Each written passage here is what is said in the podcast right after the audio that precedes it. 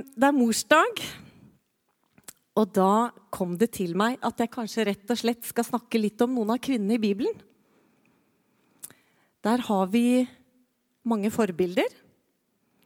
Ja, vi har kanskje noe å lære av disse på både godt og vondt, men det skal vi se litt på. Var de, noe, var de spesielle, disse Gud brukte? Var de, eh, var de litt sånn høytstående, perfekte mennesker, eller hvem var de? Um, hva var det som gjorde at de ble brukt av Gud? tenkte jeg vi skulle snakke litt om. Eh, og det verste er at jeg har egentlig ganske mye på denne her, eh, iPaden min, så nå er jeg nesten redd for at jeg ikke skal klare å holde meg innafor tida. Det er jo helt Oi, ja. Så jeg får prate litt fort. Det pleier Morten å gjøre. Så han har langt manus, men han prater dobbelt så fort. Da, så det går Han får sagt veldig mye. Jeg vet ikke om jeg klarer å snakke så fort. Jeg får prøve. Første kvinnen tenkte, jeg tenkte vi skulle snakke litt om i dag, den kommer opp på skjermen, det er Sara. Sara er en av de første kvinnene vi hører om i Bibelen. Og det står mye om henne i, eh, fra første Mosebok allerede. Men jeg må liksom trekke inn Abraham, mannen hennes, eh, for de sto veldig sammen i, i det de gjorde her. Eh, ja, som vi vet, De fleste kjenner vel Sara og, og Abraham. Eh, Gud har sagt eller lovet Abraham at han skal bli et, til et stort folk, at han skal velsigne ham, gjøre hans navn stort. Og Gud lover også Sara og Abraham at eh, de skal få en sønn. Og årene går, og det skjer jo ingenting. Det blir ingen sønn, og det ser ut til at Sara rett og slett ikke kan få barn. Hva gjør man da? Man mister jo litt motet. Um, man tenker at hmm, nå begynner jeg også å bli såpass gammel at det er jo ikke sikkert at jeg i det hele tatt kan få barn. Men jeg kjenner eh, Jeg har en trellkvinne. Kanskje, kanskje, Abraham kunne gått inn til henne. Så hun lufter denne her ideen for Abraham. Og Abraham sier jo Han blir overtalt, sånn som de fleste menn blir når vi kvinner liksom kommer med en, med en ting. Så sier jo disse mennene at ja, ja, selvfølgelig. Vi, vi, tar den. Så Abraham går inn til eh, Hagar, trellkvinnen til Sara, og så blir hun gravid. Men når hun blir gravid, så blir hun litt høy på seg sjøl, hun trellkvinnen. Hun blir litt hovmodig overfor Sara.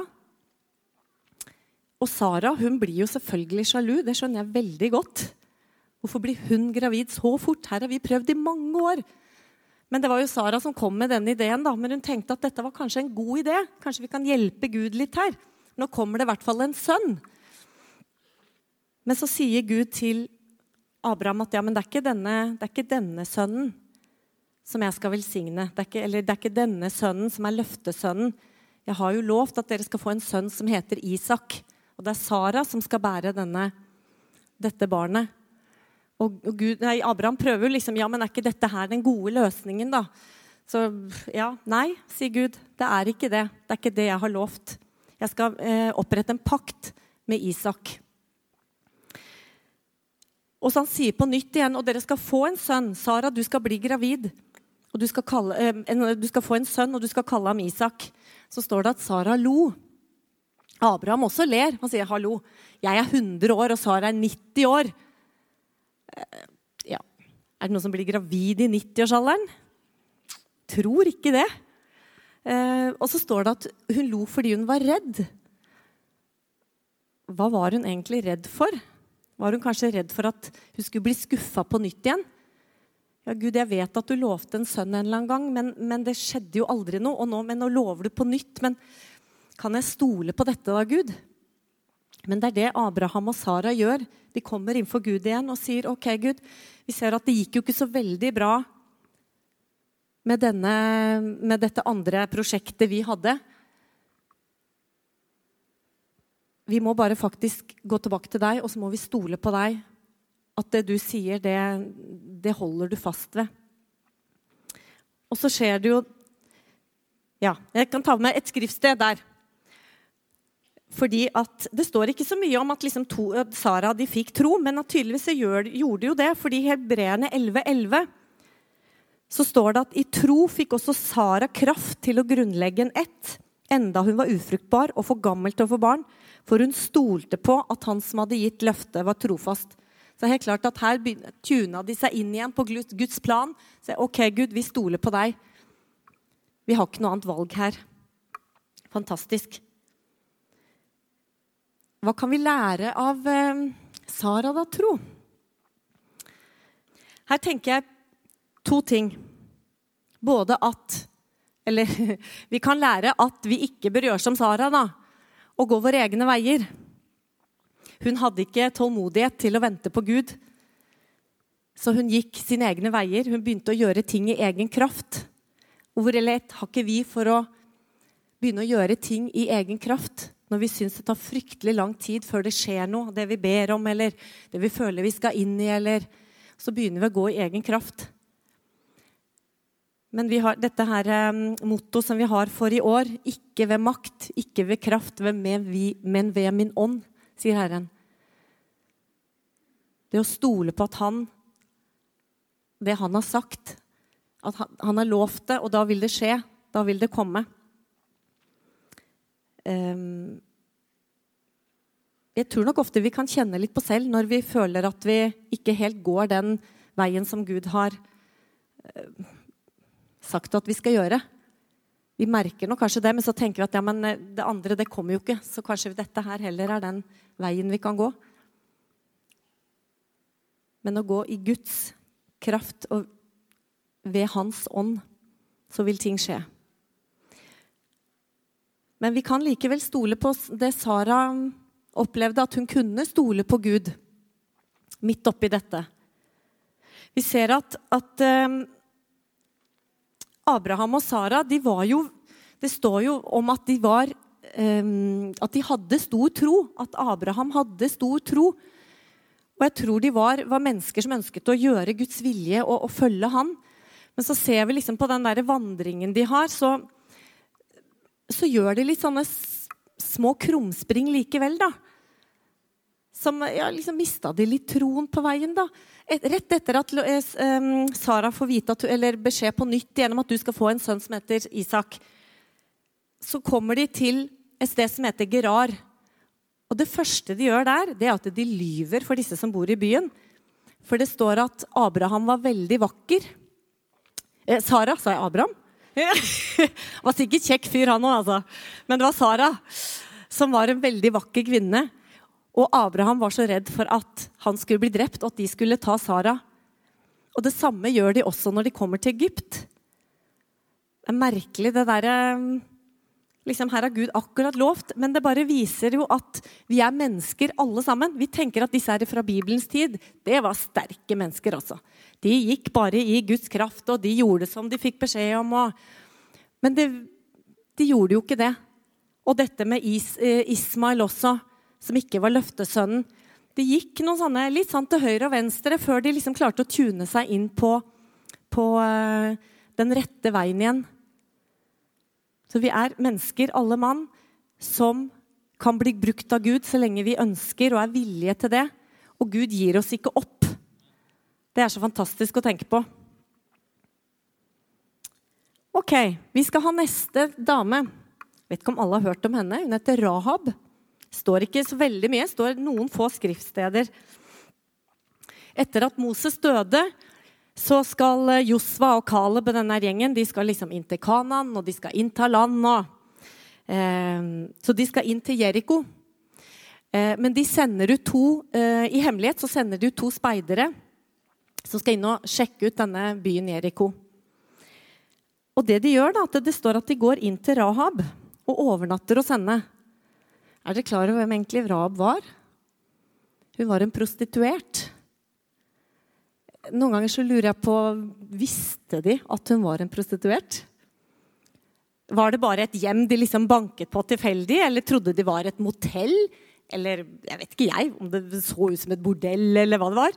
Men, eh, men de går i hvert fall inn til denne prostituerte kvinnen. Ganske rart. Og kongen i landet får vite at disse to speiderne er hos Rahab. Eh, og dette liker jo ikke han, så han sender ut to menn eh, flere menn for å hente disse her speiderne hjemme hos Rahab. Men Rahab hun hadde nok en liten annen tanke om hvem disse menneskene var. Eh, I forhold til resten av byen hennes, i forhold til kongen og resten av byen. Så hun velger å gjemme de oppe på taket. Så når disse kongens menn kommer inn til henne, så sier hun bare Nei, vet du hva, de har reist, de. De er ikke her lenger. Eh, hvis dere forter dere nå, før porten stenger, for dette var liksom ved, ved, en mur, så tar dere dem snart igjen. Så hun lyver for kongens menn. Det er også ganske spesielt. Eh, sånn. Gud gjemte de Oi. Gud gjemte, nei, Rab gjemte de. Sorry. Nå skjer det noe med iPaden min her? Ja. For hun sier at 'jeg vet at Gud har gitt dere dette landet'. Hun hadde en overbevisning. Og i Hebrevbrevet så blir hun faktisk roset, denne prostituerte. Virker som de, liksom, de ser bort ifra hvem hun var, og hva hun egentlig gjorde. At hun faktisk løy for kongen. Det var jo ikke akkurat lov, det heller. Men i eh, Ja, det går vel bra. I Hebreerne 11,31 så står det også om henne at i tro Får vi det opp? Ja.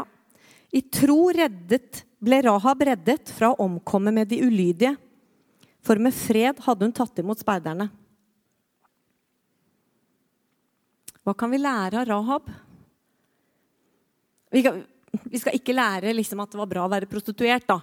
Det var jo ikke så veldig var ikke helt greit. Men for det første så tenker jeg at det viser bare at Gud kan bruke hvem han vil igjen. Så lenge vi er villige, har et villig hjerte. Uansett hvilken fortid vi har, så kan Gud bruke oss. Er ikke det fantastisk? Men det er andre ting. jeg tenker Det å være villig Hun var villig til å stå for noe. Hun var villig til å, å gjøre det hun kjente i hjertet sitt var riktig.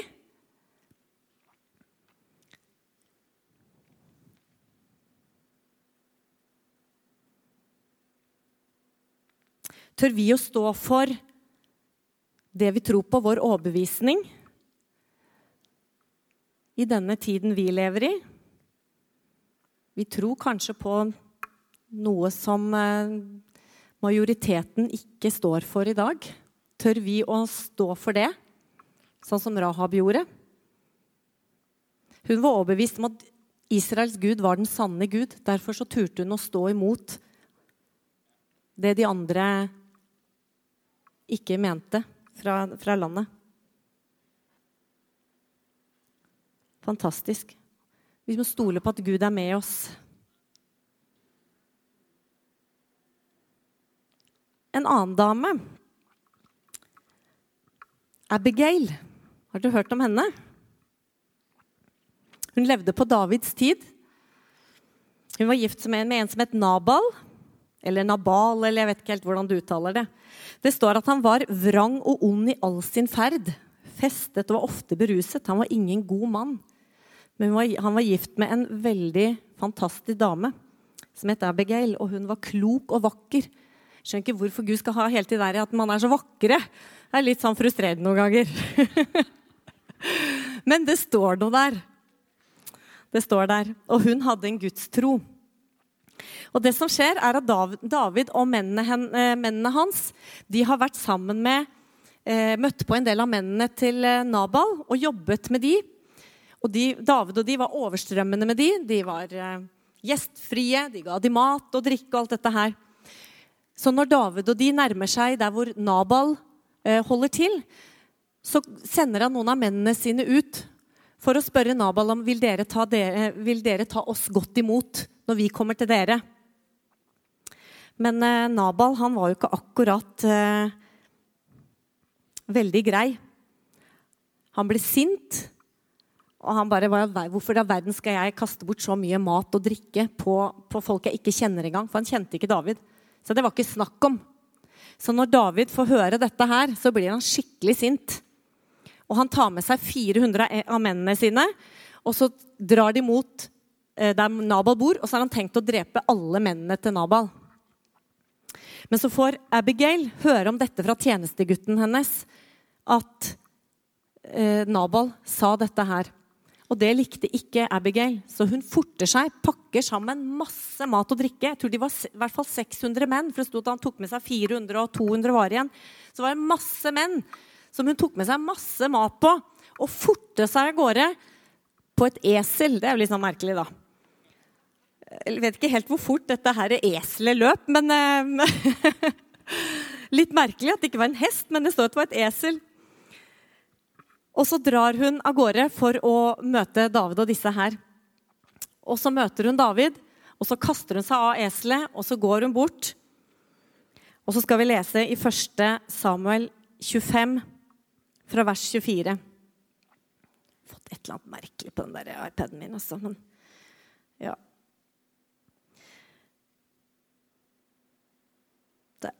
Hun falt ned for føttene hans og sa, 'Det er jeg, Herre. Det er jeg som har skylden.' Jeg vet ikke om hun følte at hun to, skulle ta på seg skylden til mannen sin. Det vet jeg ikke. Vi hadde ikke gjort noe galt. Men la din tjenestekvinne få lov til å tale til deg, og hør på din tjenestekvinnes ord. Herre, bry deg ikke om denne fordervede mannen Nabal, for som han heter, så er han. Nabal heter han, og full av dårskap er han. Men jeg, din tjenestekvinne, har ikke sett de mennene som du, Herre, hadde sendt. Og nå, Herre, så sant Herren lever, og så sant du selv lever, har Herren hindret deg fra å pådra deg blodsskyld og fra å ta deg selv til rette. Nå skal fiendene dine og de som søker å volde min herre ulykke, bli som Nabal. Og denne gaven som din tjenestekvinne har hatt med til min herre, la nå den bli gitt til de mennene som er i min herres følge. Tilgi din tjenestekvinne det hun har gjort ille, for Herren vil bygge min herre et hus som står fast. For det er Herrens kriger du fører, Herre, og noe ondt er ikke funnet hos deg fra den dagen du ble til. Om noen står fram og forfølger deg og står deg etter livet, da skal min Herres liv være gjemt blant de levendes folk hos Herren din Gud. Men dine fienders liv skal han slynge bort som en stein av slyngen. Når da Herren gjør mot deg alt det gode han har lovt deg, Herre, og setter deg til fyrste over Israel, så skal ikke dette bli deg til anstøt eller volde deg samvittighetsnag, Herre. At du har utøst uskyldig blod og tatt deg selv til rette, Herre. Og når Herren gjør vel mot deg, Herre, så husk din tjenestekvinne. Wow! Det var mye kloke ord. Mye visdom. Hun kommer med ja, visdomsord eller profeti eller tydeligvis noe fra Herren som gjør at David sier at 'oi, det var bra du kom med dette her', for da skal, har jeg ikke tenkt å drepe disse mennene. Dette skal jeg legge i Guds hender. For det som skjer, er at pga. Nabals harde hjerter så er det Gud selv som slår ham til døde. Og Gud sendte Abigail i Davids, i Davids vei for å unngå at han gjorde noe vondt eller dumt. Og ender med at hun blir Davids hustru. Hva kan vi lære av, eh, av, dette, tro? Her tror jeg vi kan lære mye om å være en kanal for Gud. Det å lytte til det Han har å si oss, til å søke visdom. Det å kunne være, være eh, til en forandring, å gjøre en forandring for andre, andre mennesker.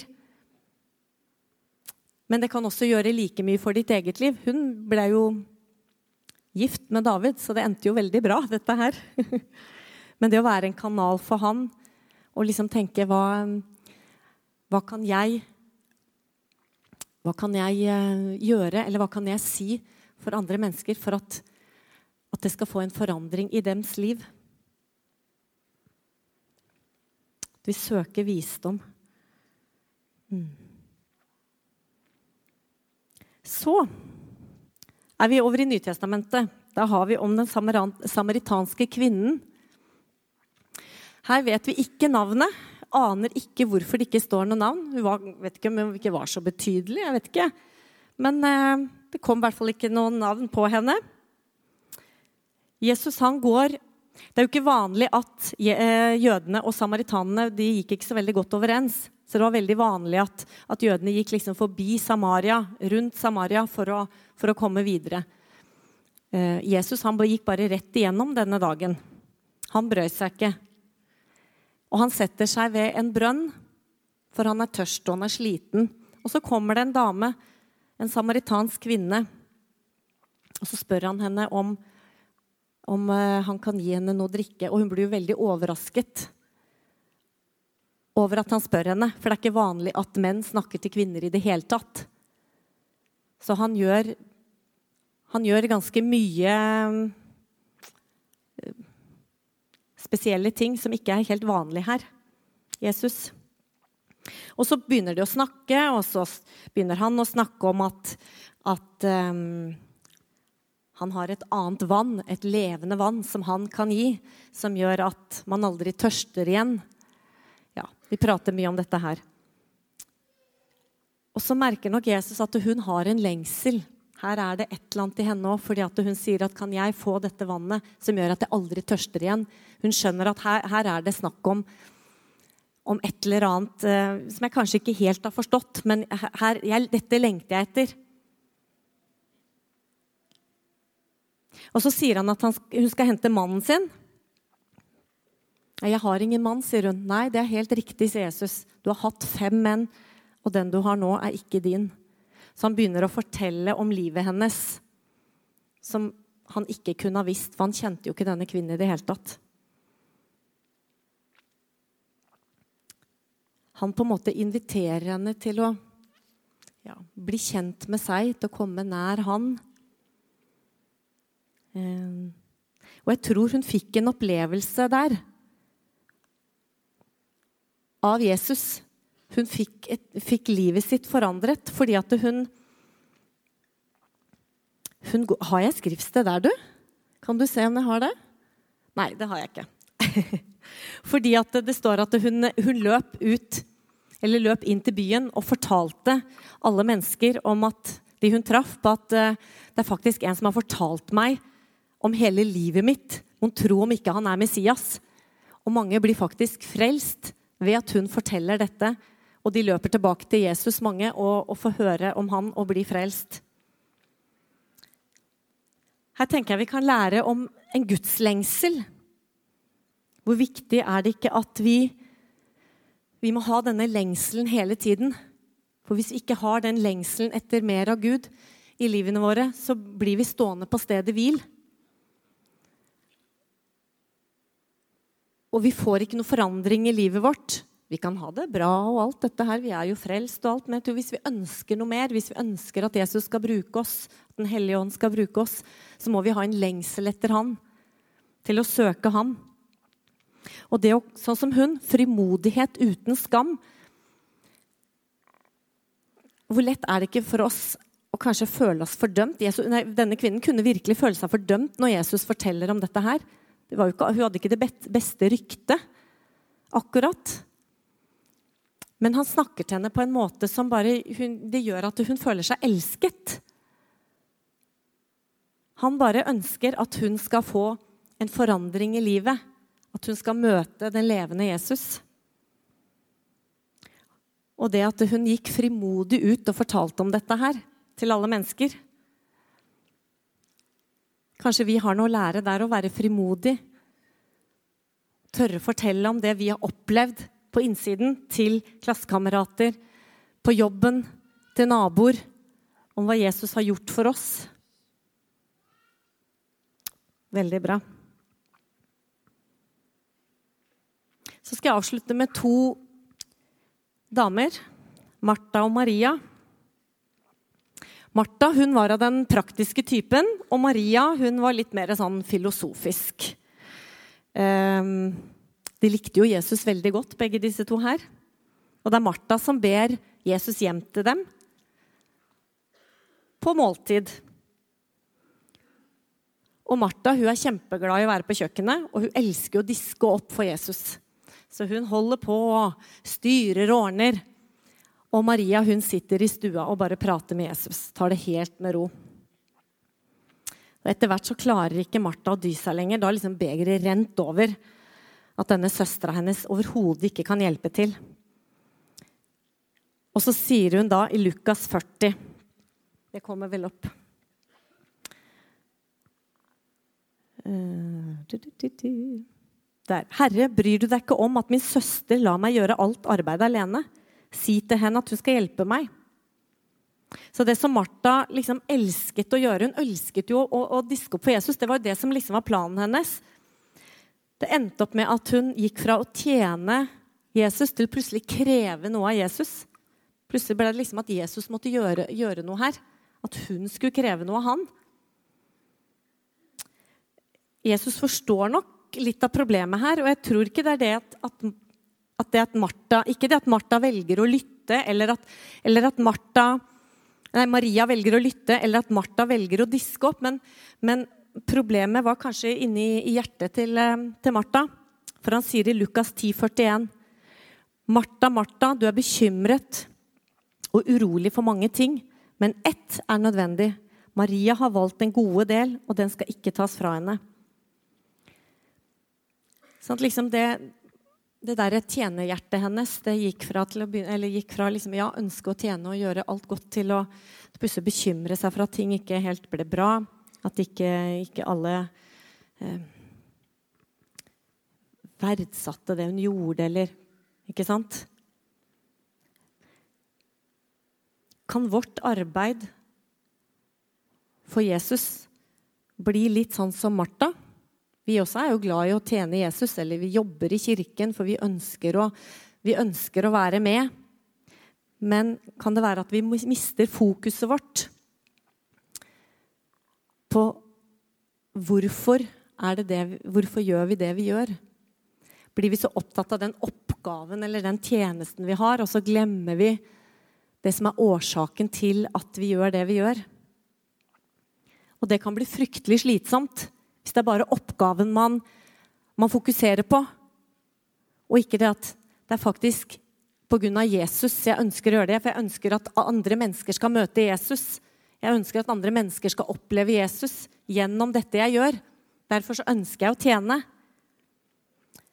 Men så er det likevel viktig, det som Maria gjorde. At hun satte seg ned ved Jesu føtter og bare lyttet til han ikke alltid så enkelt, det.